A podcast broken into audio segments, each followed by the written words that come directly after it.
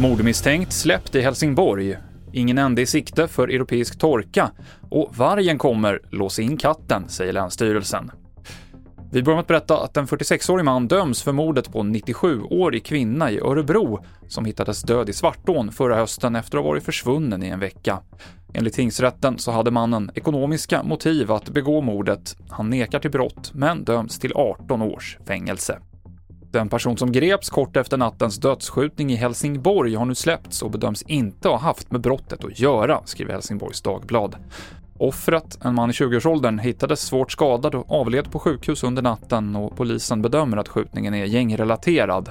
46 personer har nu skjutits till döds i år i Sverige. Extremväder och rekordtorka drabbar Europa och hettan fortsätter enligt en ny EU-rapport. Klimatforskare varnar nu för att den fortsatta uppvärmningen kommer bli förödande. Lan Wang Erlandsson är klimatforskare vid Stockholms universitet. Det här drabbar ju jordbruket eh, väldigt, väldigt hårt, eh, men vi får ju också eh, följdeffekter på resten av samhället i och med jordbruket påverkas. Vi får också effekter på energiproduktionen och grundvattenpåfyllnaden och så vidare. Även andra världsdelar drabbar ju nu i mycket större utsträckning av torka än tidigare och vi ser ju att det händer samtidigt. Det gör att möjligheten att importera bort problemet minskar i och med att klimatförändringen drabbar hela jordklotet.